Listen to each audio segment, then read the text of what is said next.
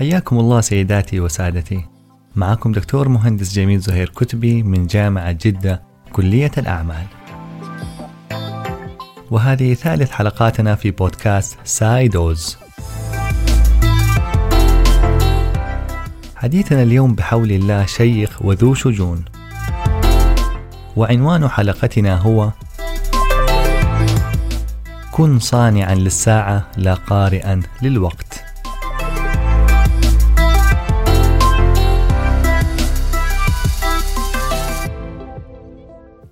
هناك الكثير والكثير من النماذج الإنسانية التي سار أصحابها على نهج فكري مختلف ومتميز عن الفكر السائد في مرحلتهم.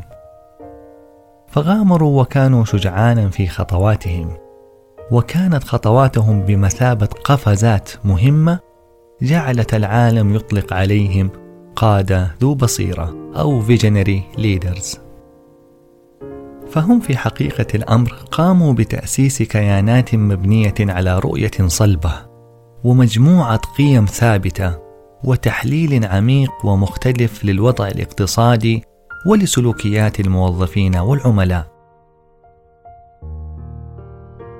هؤلاء القادة ذو البصيرة قاموا بإعطاء الاستقلالية للعميل عبر حلول إبداعية تخطت توقعات المستفيدين فحفروا أسماءهم في ذاكرتنا لخدمتهم البشرية ولتطويرهم جودة حياة الناس. حيث يمكن تشبيه هؤلاء الرموز بصانع الساعة لا قارئ الوقت كما أطلق عليهم الباحث جيم كولينز في كتابه الشهير Built to Last أو بني للبقاء. فلو أن الشخص كان بارعا في قراءة الوقت ولديه القدرة على عرض الوقت للآخرين وبأسلوب مشوق؟ فإنه لن يكون أكثر براعة وأهمية ممن يقوم بصناعة الساعة والتي تخبرك بالوقت فتنتفي حاجتك إلى قارئ الوقت. فالاستقلالية الكاملة عبر الحلول الإبداعية وعدم الحاجة للآخرين هي القيمة المضافة في هذه الحالة.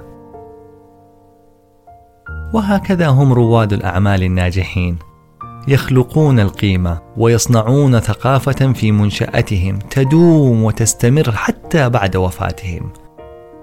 فيتركون خلفهم ارثا عظيما وبذلك يطول عمر الشركة وتستمر الحلول الإبداعية الجديدة في الظهور فتملك المنشأة صفة الديمومة.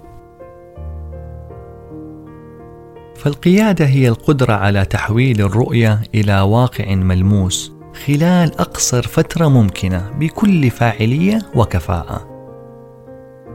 وإنه لمن الصعب ذكر كل من يمكن اعتباره قائد ذو بصيرة، ولكن سأحاول عرض أسماء بعض من وضعوا بصمتهم في هذا العالم الكبير. فمثلا مخترع المحرك البخاري الأسكتلندي جيمس وات أو مؤسس شركة أبل الأمريكي ستيف جوبز. أو مؤسس شركة دايسون للمكانس المخترع البريطاني سير جيمس دايسون. أو مؤسس فيسبوك الأمريكي مارك زكنبرغ. أو مؤسس شركة تويوتا للسيارات الياباني ساكيتشي تويودا. أو مؤسس موقع علي بابا الصيني جاك ما. أو مؤسس شركة فورد للسيارات الأمريكي هنري فورد. أو مؤسس بنك الراجحي السعودي الشيخ سليمان الراجحي أو مؤسس شركة العطار وإخوانه التاجر السعودي ورائد العمل الخيري الشيخ سراج عطار رحمة الله عليه أو مؤسس مزارع فقيه للدواجن وسلسلة مطاعم الطازج العالمية السعودي الشيخ عبد الرحمن فقيه أو مؤسس سلسلة مطاعم البيك الفلسطيني العم شكور أبو غزالة رحمة الله عليه. أو وكيل تويوتا بالمملكة السعودي الشيخ عبد اللطيف جميل رحمة الله عليه أو مؤسس مجموعة الخريف الصناعية السعودي الشيخ عبد الله الخريف رحمة الله عليه أو مؤسس مجموعة الزامل السعودي الشيخ عبد الله الزامل رحمة الله عليه وغيرهم الكثيرين والكثيرين ممن لا يتسع المجال لحصرهم في هذا البودكاست. ما نسعى إليه كصانعين للتغيير هو بناء جيل مرن من القادة ممن يقبلون المجازفة ونسمح لهم بالتجربة والخطأ ليتعلموا ونتعلم معهم. ففي مثال على ريادة الأعمال المؤسسية نجد أن كيانا مثل شركة 3M تمنح موظفيها 15% من ساعات الدوام الرسمي لتطوير أفكارهم الخاصة.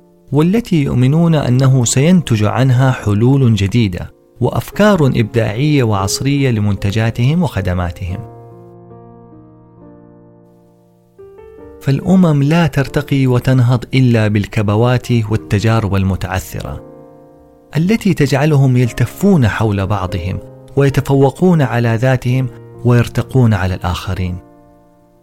لذلك يجب علينا الاستثمار في البشر قبل الاستثمار في الأفكار. فالفكرة الرائعة يدمرها الموظفين السيئين. بينما الموظف المبدع سيحول أي فكرة لنجاح.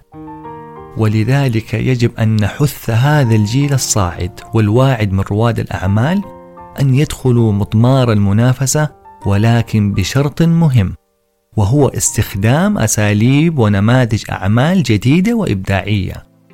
هذه هي الطريقة الوحيدة التي ستساعدهم على سد الفجوة واغتنام الفرص في السوق أينما كانت بحول الله. يقول غاندي: عش كأنك ستموت غدا وتعلم كأنك ستعيش للأبد. فمان الله.